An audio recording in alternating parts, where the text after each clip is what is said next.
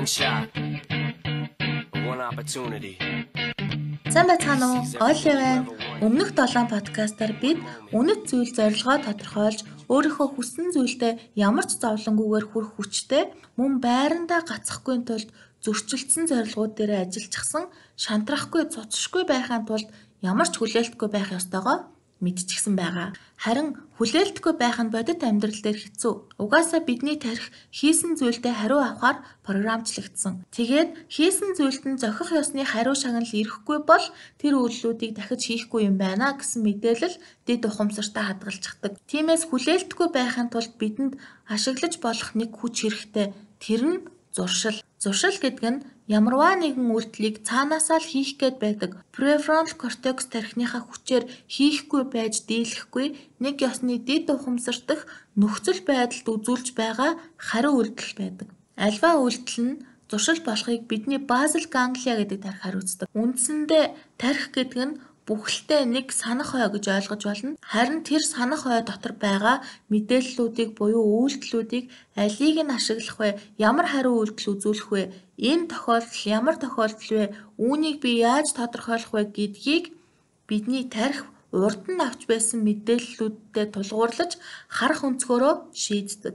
Гэхдээ бидний тарих боддоггүй бид тархиараа боддог. Өөрөөр хэлбэл тарих өөрөө тийм ч ухаалаг биш.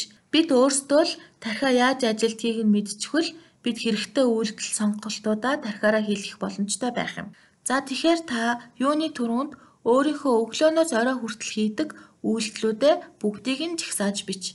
Бичснийхээ дараа зөв зуршил буюу цаашид үргэлжлүүлэх давтамжийг нь ихсгэх зуршлуудаа тэмдэглэл. Дараа нь буруу, муу гэж бодож байгаа буюу таны хүссэн үр дүнд хүрэхгүй зуршлуудыг хасах зуршил гэж тэмдэглэл. Одоо харин шинээр нэмэх зуршил болгох таны хүсэж байгаа үр дүнд хүргэх үйлдэлүүдийг олж жигсааж бич. Зуршилд гурван зүйл хэрэгтэй. Нэгт нь таних тэмдэг, хоёрт нь тухайн яг хийж байгаа үйлдэл, гуравт нь шагнал. Энэ гурвын аль нэг нь байхгүй бол зуршил бий болох боломжгүй. Эсвэл нэгэн төвсөн зуршлаа солих, устгах боломжгүй. Өөрөөр хэлбэл таних тэмдэг байхгүй бол бидний тарих тэр нөгөө зуршил болох үйлдэлээ хийх ёстойгоо мэдэхгүй, санахгүй гэсэн үг. Харин таних тэмдэг гарч ирэх үед тарих маань хийх үйлдэлээ биш үйлдэл хийсний дараах шагналыг авах гэж нөгөө үйлдэлээ хийлгэхээр би эрүүгээ тушаал явуулдаг. Тэгвэл энэ таних тэмдэг гэдэг нь дараах таван хэлбэрээр байдаг. Нэгт нь хамт байгаа хүмүүс. Ямар хүнтэй их их цагаа өнгөрөөх нь бидний сонголтуудад нөлөөлдөг гэдгийг та өмнөх подкастуудаас мэддэг болсон. Тэгээд та шин зуршлууд суулгах гэж байгаа бол тэр үйлдэлийг чинь байн хийдэг хүмүүстэй хамт байвал та дуурайгаад хийгээд байдаг. Хоёр дахь нь орчин. Орчин гэхээр танд ойлгомжтой байгаа байх. Жишээ нь би гэртээ байхдаа илүү идэвхгүй юмыг хойшлууламтгай болчихдог. Харин ажил дээр ажлын ширээн дээр байхдаа би маш хурдан ажиллаж чаддаг. Тархимаач өөрөө хурдан сэтгэдэг болчихдог. Угаас анх ажил хийж эхлэхдээ л би ажил дээр илүү толгоогоо ажилуулдаг. Гэртээ бол илүү амарч шийдвэр гаргадаггүй байсан болохоор тархи маань өөрөө орчныг таниад энэ үе бол амрах үе гэж автоматар хариу үйлдэл үзүүлж байгаа хэрэг. Гэхдээ үүнийг сольж болно. Би гэртээ байхдаа илүү их ажилдаг байх боломжтой. Гурав дахь нь сэтгэл хөдлөл. Ямар сэтгэл хөдлөл мэдрэхээрээ ямар хариу үйлдэл үзүүлэхээ тархи аль хэдийн санаад авчихсан байгаа. Энд бас дэд ухамсар тархины дуурайх систем, ихтгэл үнэмшил аль аль нь нөлөөлж байдаг. Жишээ нь азтай явдал тохиолдох эсвэл сайн хийсэн үйлдэлээ хүн цаанаасаа хин нэгэнтэй хуваалцах гээд гайхуулах гээд байдаг. Энэ нь Багасаа л он завсан бол ээж аавдаа хурдан хийлж магтуулдаг, шагнал авдаг байсан зуршил гэсэн үг юм. Дөрөвдөх нь цаг хугацаа. Цаг хугацаа гэдэг бол ойлгомжтой. Харанхуй болохоор бидний тарих унт гэсэн хариу үйлдэл үзүүлдэг. Өдөр нэг цаг болохоор гид сүлсдэг. Өөрөөр хэлбэл бие физиологоо тарих цаг хугацаагаар баримжаалж зохицуулж байгаа гэсэн үг юм. Тавтах нь яг өмнө хийсэн үйлдэл. За энэ яг өмнө нь хийсэн үйлдэл өөрөө таних тэмдэг болдог. Жишээ нь хоол идчихээр араас нь тамхи татдаг хүмүүс байдаг. Гэвч бие физиолог нь өөрөө хүсээгүй байх боломжтой. Одоо та устгах, хийхээ болохоор шийдсэн зуршлуудынхаа тухай бод. Ямар таних тэмдэг гарч ирмэгц тэр үйлдэлээ хийгээд байгаагаа олж тус бүрийнх нь ард жигсааж бич. Тэгээд эдгээр таних тэмдгүүдийг гарч ирэхгүй болгож зохицуулах хэрэгтэй. Эсвэргээр нь цаашид үргэлжлүүлэх давтамжийг нэмэх зөв гэж бодсон зуршлынхаа таних тэмдгийг илүү олон байхаар зохицуулаарай. Харин таних тэмдэг нь устгад зохицуулах боломжгүй байвал санаа зовлтгүй. Энэ үед бид устгах зуршлаа шинээр бий болгох зуршилтайгаа сольж болно. За одоо зуршилд хэрэгтэй байдаг 3 дахь хүчин зүйл буюу шагналын тухай яриа. Төрөн тарих таних тэмдгээ харамгацаа үйлдэл хийсний дараа бий болох шагналыг л боддог гэж хэлсэн шүү дээ. Тэгэхээр энэ шагнал байхгүй бол та хичнээн хичээгээд хэдэн жил сар оролцсон ч зуршил бий болохгүй.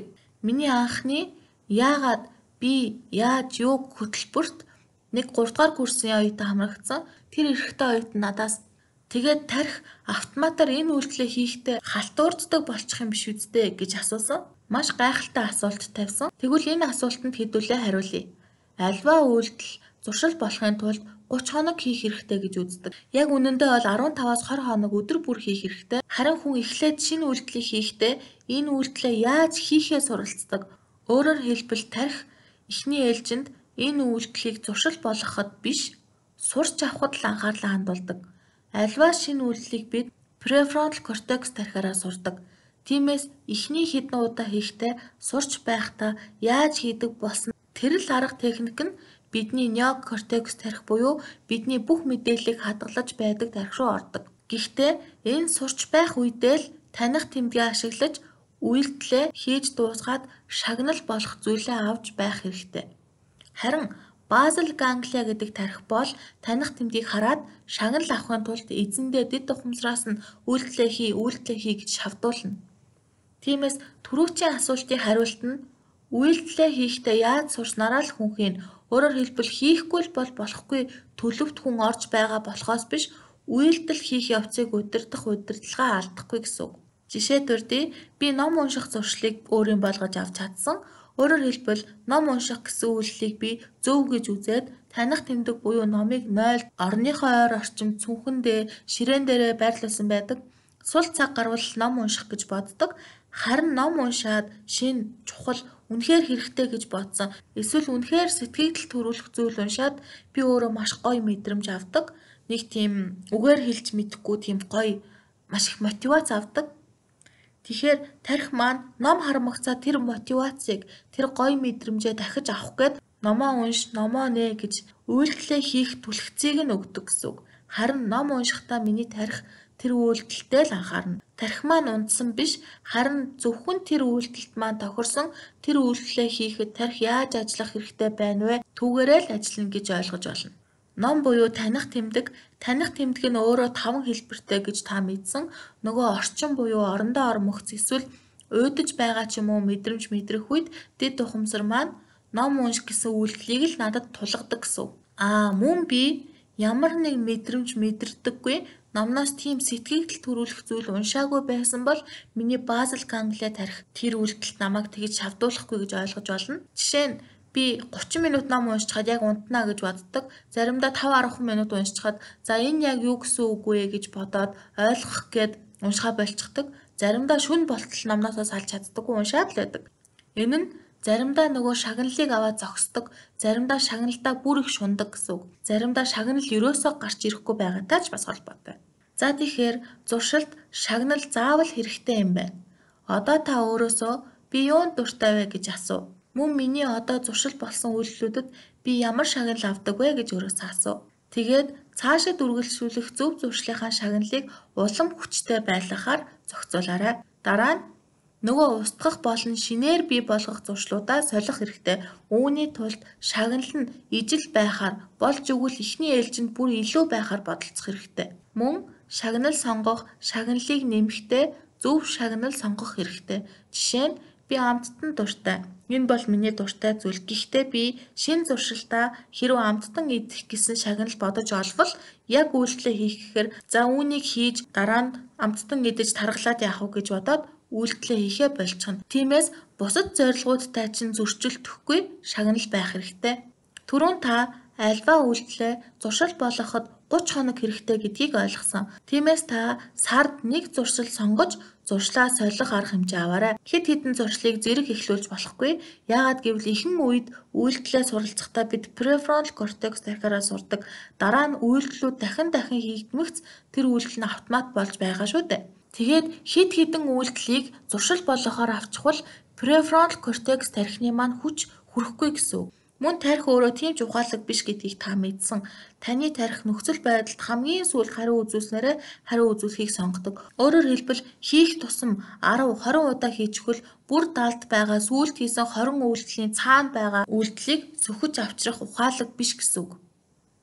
Тиймээс өнөөдөр хийвэл маргааш бүр амархан болно гэсэн үзлээр үйлдэлээ хамгийн бага хамгийн жижигээс нь яаралгүйгээр зуршил болгоорой. За ингээд одоо та сард нэг зөв үйлдэл зуршил болгож чадхаар боллоо. Мөн та одоо зорилгодоо хүргэх, таны хүсэж байгаа үр дүнд хүрэх бүх мэдлэгийг мэдсэн. Харин явцын дунд замаасаа гажих тохиолдол байдаг. Ялангуяа та том, холын зорилго тодорхойлсон бол жанжин шугамаасаа хазаахгүй явах нь маш хэцүү. Тиймээс холын зайд овоо хараагаа хэрхэн тааруулах, анхаарлаа хэрхэн төвлөрүүлэх тухай би дараагийн подкаст дээр болно. Баярлалаа.